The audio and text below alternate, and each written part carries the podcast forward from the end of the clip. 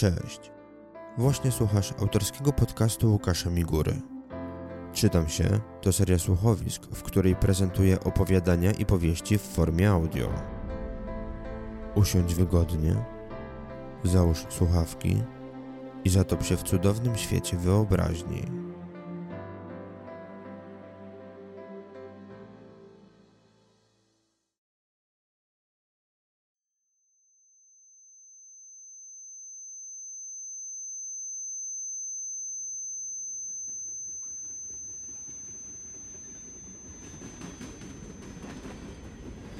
Ocknąłem się z głową wspartą o wysłużoną kierownicę.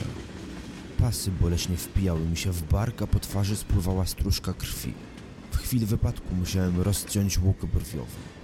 Przetarłem oczy i spojrzałem na siedzenie pasażera. Spodziewałem się zobaczyć tam Sandrę. Miałem nadzieję, że będzie w lepszym stanie niż ja. Właściwie cud, że żyłem i że auto jest całe. Widać pociąg tylko nas musnął. Szczęście w nieszczęściu, można rzec. Ale Sandry nie było obok. Chciałem się obrócić, żeby zobaczyć co z Antkiem. Pas przytrzymał mi ramię, przez co stęknąłem z bólu. Musiałem zwichnąć bark. Wyglądał dość nienaturalnie, pulsował i rwał przy każdym ruchu. Ostrożnie odpiąłem pasy, złapałem za lusterko pod sufitem, ale było rozbite. Odetchnąłem. Przez moment bałem się, że w odbiciu znowu zobaczę ją, kobietę, która prześladowała nas od rana. Otworzyłem drzwi samochodu. Wyszedłem. Wtedy też zauważyłem, że na tylnej kanapie nie było Antka. Co więcej, nie było nawet fotelika, w którym jeździł. Obszedłem wóz dookoła, nie znalazłem ani jednego zarysowania, czy to z boku, czy z tyłu. Zakręciło mi się w głowie. Przysiadłem na kępie trawy i złapałem się za czoło. Kiedy zamknąłem oczy, zobaczyłem ciąg obrazów. Panikę Sandry, krzyk naszego dziecka i ciągle powtarzającą się syrenę nadjeżdżającej lokomotywy. Z tyłu głowy pojawiała się myśl, że wysiedli. To ja kazałem im wysiąść? Zostałem sam w samochodzie? Wstałem z trudem, pomyślałem, że spróbuję wyjechać z rowu. Miałem nadzieję, że wóz, mimo widocznego wgniecenia w masce i w boku, będzie w stanie się poruszać. Ale ból barku nie pozwalał mi prowadzić. Do dyspozycji miałem wyłącznie lewą dłoń, którą ciężko było zmieniać biegi. Mój problem rozwiązał się, kiedy za moimi plecami błysnęło niebiesko-czerwone światło policyjnego koguta. Policjant wyszedł z radiowozu i chrząknął. Obróciłem się powoli tak, by widział, że nie stanowię zagrożenia. W takich wioskach gliniarze często byli przeczuleni. Naoglądali się amerykańskich filmów i wydawało im się, że mogą wszystko, ale ten sprawiał wrażenie normalnego. Nic panu nie jest? zapytał policjant. Założył, że w takim stanie nie mogę mu nic zrobić. Pokiwałem głową przecząco. Co się stało? Tutejszy? Zagadnął zmanierowanym tonem. Taki widok zapewne nie był dla niego nowością. Założyłem, że przynajmniej kilka razy w miesiącu odwoził do domu pijane dzieci sąsiadów albo tuszował wypadki kolegów po fachu, którzy w sobotni wieczór pochlali i wsiedli za kółko, żeby podskoczyć na stację, bo zapasy na resztę weekendu się pokończyły. Nie, syknąłem, czując narastający ból w skroniach. Przyklęknąłem. Podszedł do mnie. Zabiorę pana na pogotowie. Nie, nie trzeba, odparłem głupio. To musiało wzbudzić jego podejrzenia. Dobrze, w takim razie pojedziemy na posterunek i tam wezwę lekarza. Złapał mnie pod zdrowe ramię i zaprowadził do radiowozu. Posadził na tylnej kanapie, jak pierwszego lepszego przestępcę. Nie było sensu dyskutować. Zresztą nie potrafiłem się odezwać. W mojej głowie kłębiły się pytania. Gdzie podziała się Sandra i Antek? I dlaczego nasze auto było w tak dobrym stanie?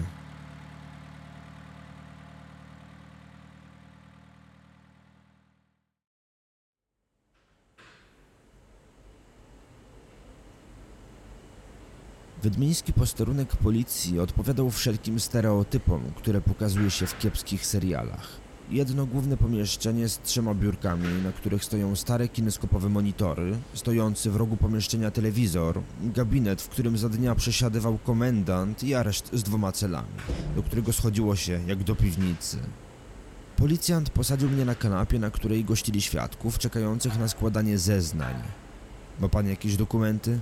Zapytał, nie licząc na cokolwiek. Złapałem za tylną kieszeń spodni, co przypłaciłem kolejną falą bólu. Nic nie znalazłem, musiały wypaść w wozie, pomyślałem. Mm, Policjant był dobry. Czytał we mnie jak w otwartej księdze. W samochodzie nic nie znalazłem. Odparł, uprzedzając moje pytanie. W takim razie nie mam żadnych papierów. Westchnął ciężko. Czuł, że to będzie trudny wieczór. Sięgnął po komórkę przewieszoną przy pasku i zadzwonił do znajomego lekarza.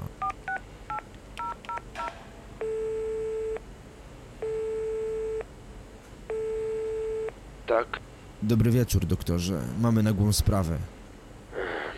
dobrze, będę za 10 minut. Odparł mu niski głos. Kim pan jest? Co tu pana sprowadza? Policjant zagadnął mnie, kiedy już skończył rozmawiać przez telefon. Jestem pisarzem, przyjechałem tu z żoną i synem, na wakacje do cholery. Rzuciłem z narastającą pretensją. Nie do niego, ale do siebie. I do losu, który zgotował mi całą tę sytuację. Jechał pan sam? Zaprzeczyłem, nie kryjąc grymasu bólu na twarzy. Więc gdzie jest pańska żona i syn? Nie wiem, nie mam pojęcia gdzie są, może nic im się nie stało i pobiegli po pomoc. Na przykład do właściciela domku, w którym nocujemy. Policjant nie mógł zrozumieć, dlaczego żona miałaby zostawić męża na miejscu wypadku. Właściwie sam tego nie rozumiałem. Czy układało się... Zaczął, ale przerwał mu wchodzący na posterunek starszy mężczyzna z wąsem, charakterystycznym dla lat dziewięćdziesiątych ubiegłego stulecia. Podszedł do mnie, uklęknął i mruczał przez moment, obserwując moje ramię. Hmm, hmm. Nastawimy panu bark, sapnął lekarz. Złapał oddech i uśmiechnął się chłodno, jakby zadawanie bólu sprawiało mu satysfakcję. Pan go przytrzyma, a ja będę ciągnął, polecił policjantowi. Jak powiedział, tak zrobili. Nie dało się nie krzyknąć. Potem doktor obwiązał bandażem moje ramię i rękę i opatrzył głowę. Przynajmniej nie będzie trzeba szyć. Uśmiechnął się sztucznie. Więc co się stało? Zagadnął funkcjonariusz, w którym ciekawość zapewne walczyła z chęcią zamknięcia mnie w celi. Tak byłoby dla niego najlepiej, najprościej.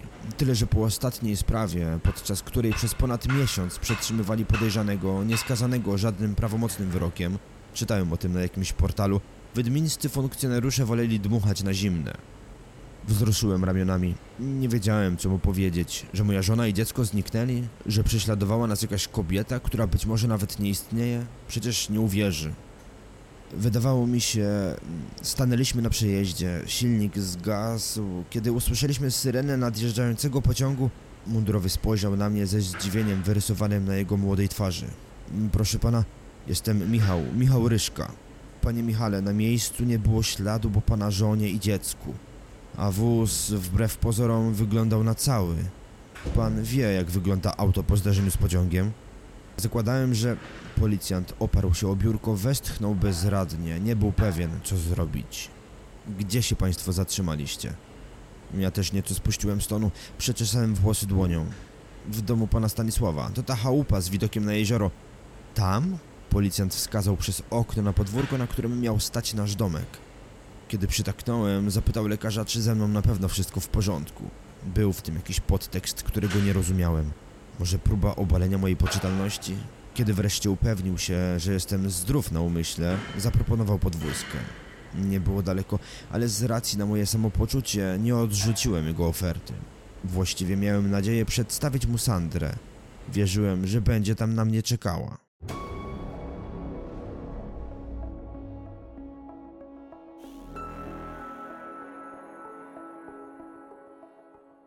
Właśnie słuchasz autorskiego podcastu Łukasza Migury. Po więcej opowieści zapraszam na stronę lukaszmigura.com. A jeśli chcesz być na bieżąco ze wszystkim, co robię, zapisz się do mojego newslettera.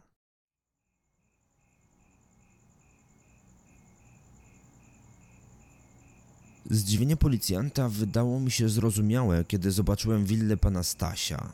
W oknach było ciemno.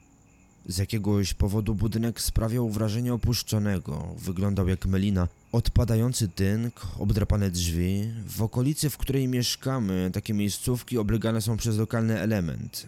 Gdyby nie tabliczka z adresem na płocie, nie byłbym pewien, czy trafiliśmy we właściwe miejsce. Szybko odpiąłem pasy i wyszedłem z radiowozu. Światła koguta odbijały się w okiennych szybach. Podszedłem do furtki. Ktoś założył na niej gruby, zardzewiały łańcuch. Spojrzałem na funkcjonariusza, który także wysiadł z wozu i patrzył na mnie ze współczuciem. Może wejdziemy boczną bramą. Wjeżdżaliśmy tamtędy i musiałem nie zwrócić uwagi na łańcuch. Zaproponowałem. Chciałem przekonać siebie samego. Policjant wzruszył ramionami, sięgnął po latarkę i kazał mi pójść przodem.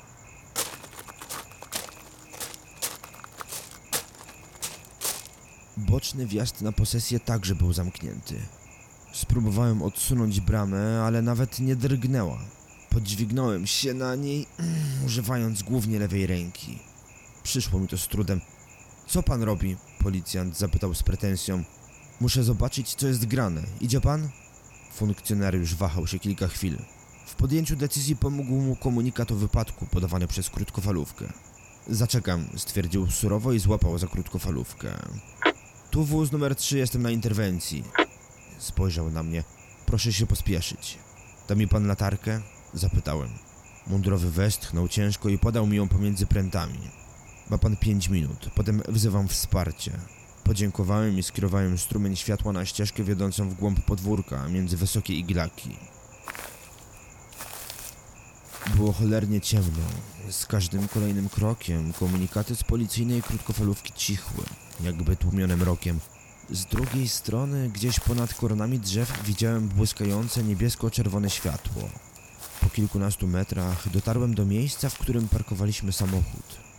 Zauważyłem, że żaluzje w oknach naszej chatki są zaciągnięte. Poczułem ulgę. Byłem pewien, że to robota Sandry. Obszedłem domek i stanąłem na werandzie. Wewnątrz rozciągał się mrok, być może jeszcze głębszy niż na zewnątrz. Teraz poczułem przeszywający chłód. Sandra? Zawołałem niepewnie. Wszedłem do sypialni, którą żona zajmowała z naszym synem. Nie było ani jej, ani rzeczy, które rozłożyła w szafkach poprzedniego wieczoru. Zajrzałem do mojego pokoju, tam też było pusto. Na ścianie brakowało telewizora, gniazdko było spalone, a na nierozłożonej kanapie? Na kanapie leżała książka. Zbliżyłem się, podniosłem ją. Magia, okultyzm, wywoływanie duchów, jak porozumieć się z drugą stroną. Przeczytałem. Dziewięć lat wcześniej. Promienie słońca wdzierały się przez duże balkonowe okno i opierały na twarzy Sandry. Obudziła się. Usiadła na materacu. Była zdziwiona brakiem mojej obecności. Michał? zawołała. Wychyliłem się z kuchni. Miałem na sobie fartuszek z nadrukowanym grubym mężczyzną i podpisem Nie ufaj chudemu kucharzowi. Dzień dobry, odparłem z uśmiechem. Cześć, nie śpisz? Pokręciłem głową i wróciłem do przygotowywanego śniadania. Sandra wstała i poszła za mną. Objęła mnie i pocałowała. A spałeś coś? Wzruszyłem ramionami. Chwilę, ale potem sama wiesz. Mówiłam ci, że musisz coś z tym zrobić? Zganiła mnie. Mruknąłem potakująco. Sandra chyba poczuła się, jakbym ją zbywał, bo westchnęła z wyraźną irytacją w głosie. Co według ciebie mam zrobić? Wziąłem się za krojenie pomidora na plasterki. Sandra przeszła obok mnie i stanęła przy zmywarce. Już ci mówiłam, na początek idź do kościoła, wtrąciłem się w pół zdania. To twoja odpowiedź na wszystko? Myślisz, że tam mi pomogą? To nie jest normalne, że się tak czujesz, że tak śnisz. To wszystko przez to, co robiłeś. Może, a może nie. Denerwuje mnie to twoje może, po prostu idź do księdza. Powiedz mu o wszystkim. Może jeszcze powinienem pokazać mu tę książkę. Sandra wyraźnie się zdenerwowała. Jeszcze ją trzymasz? Mówiłam ci, żebyś się jej pozbył. Zaczęła wyjmować naczynia ze zmywarki i chować w szafce. W nerwach stłukła talerz i rozcięła sobie palec. Cholera! Zacięłaś się? Chcesz plaster? Zapytałem z troską. Nie trzeba, to nic wielkiego. Sam widzisz, co się dzieje, kiedy tylko o tym wspominam. Zaraz mi będziesz wmawiać, że to, co się teraz stało, to także wina tej książki. A żebyś wiedział, po prostu zabierz ją ze sobą i pokaż księdzu, rzuciła zdenerwowana. Miałem dość tej rozmowy, powtarzaliśmy ją cyklicznie od kilku miesięcy. Sandra wyjęła kolejne dwa talerze i postawiła na kredensie. Położyłem na nich kanapki, a ona zabrała je do salonu. Jeśli dalej tak będzie to wyglądać, dostaniesz do głowy przez brak snu, zawołała z drugiego pokoju. Dobrze, pójdę, odparłem z frustracją. Dzisiaj, powiedziała stanowczo. Dzisiaj, dzisiaj, syknąłem siadając do stołu. Sięgnąłem po kanapkę. Smacznego.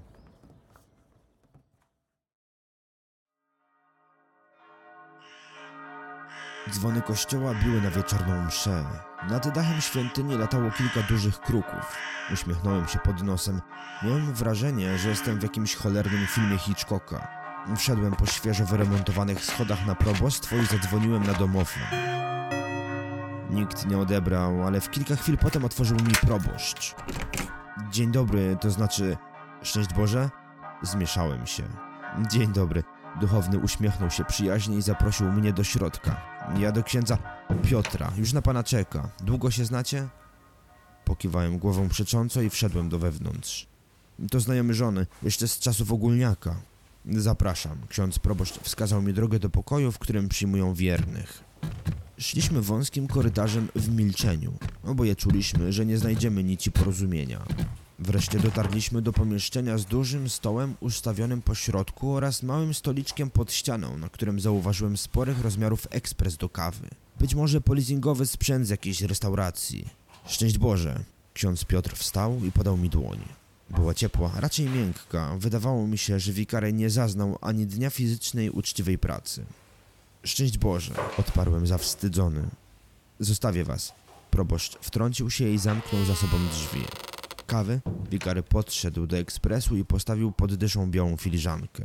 Tak, dziękuję. Czarną. Zaraz potem poczułem rozchodzącą się we wnętrzu woń świeżo mielonych ziaren arabiki. Co pana sprowadza? Sandra wspominała, że ma pan problemy ze snem i że w przeszłości miał pan styczność z...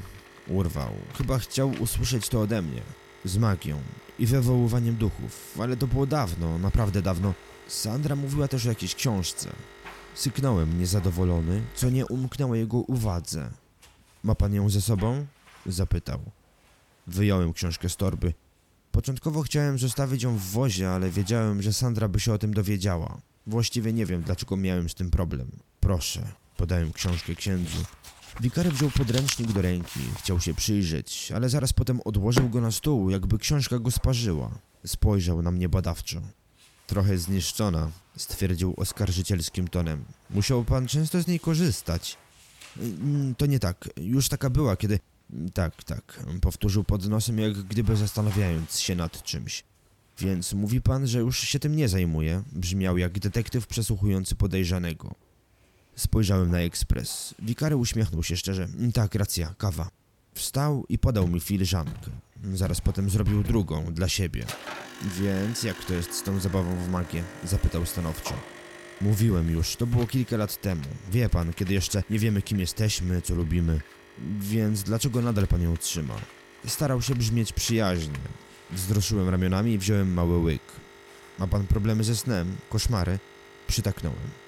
A zasypianie? Wziąłem głębszy oddech. Z jakiegoś niewyjaśnionego dla mnie powodu trudno było mi o tym mówić.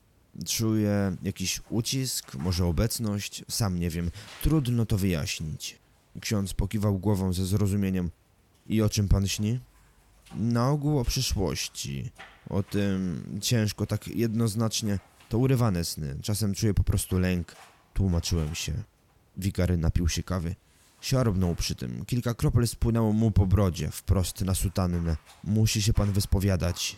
Tak naprawdę, mówię o spowiedzi generalnej. Wyjął z nesesera kilka kartek. Tutaj znajdzie pan listę rzeczy, nad którymi musi się zastanowić. I kiedy mam się stawić ponownie? Spojrzał na księdza badawczo. To już od pana zależy. Uśmiechnął się serdecznie. Proszę dzwonić, kiedy znajdzie pan chwilę, ale ja nie czekałbym z tym zbyt długo. Ja również uśmiechnąłem się, najszczerzej jak potrafiłem. Sięgnąłem ręką po książkę leżącą na stole, ale duchowny położył na niej swoją dłoń. Raz jeszcze się skrzywił. Miałem wrażenie, że dotykając jej odczuwa fizyczny ból. Lepiej będzie, jak pan to zostawi. Spojrzałem na niego z pretensją. Odsunąłem się i wtedy, na nieszczęście moje i Sandry, do pokoju ktoś zapukał. Wikar wstał, otworzył drzwi. Zobaczyłem bladą twarz księdza proboszcza. Zamienili kilka słów. Ksiądz Piotr odwrócił się do mnie. Przepraszam, pilna sprawa. Proszę dać znać, kiedy się pan pojawi. Kiwnąłem potakująco. Patrzyłem, jak znajomy żony znika w głębi wąskiego korytarza. A potem odwróciłem wzrok i machinalnie złapałem za książkę. Szybkim krokiem przeszedłem przez korytarz i z uczuciem ulgi wyszedłem na zewnątrz. Czułem, jak wali mi serce. Podszedłem do samochodu, otworzyłem bagażnik i wrzuciłem książkę do schowka na zapasowe koło. Przezornie przykryłem starym kocem.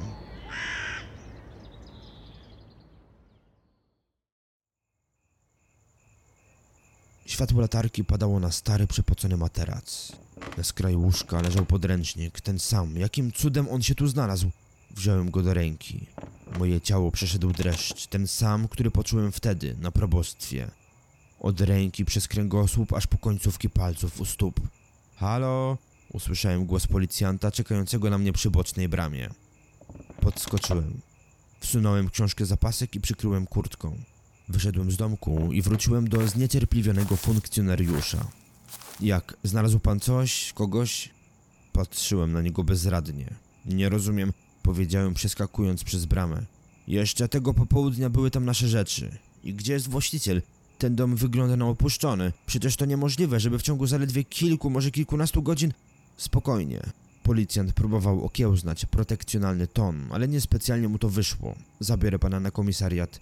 Prześpi się pan, a potem spróbujemy ustalić, co się stało. Mówi pan, że pańska żona i syn byli z panem? Tak, do cholery, wracaliśmy z Giżycka, mieliśmy wypadek, a kiedy się ocknąłem, nigdzie ich nie było. Jasne, jasne, zajmiemy się tym jutro. E, Proszę, zawiozę pana. Wskazał mi drogę.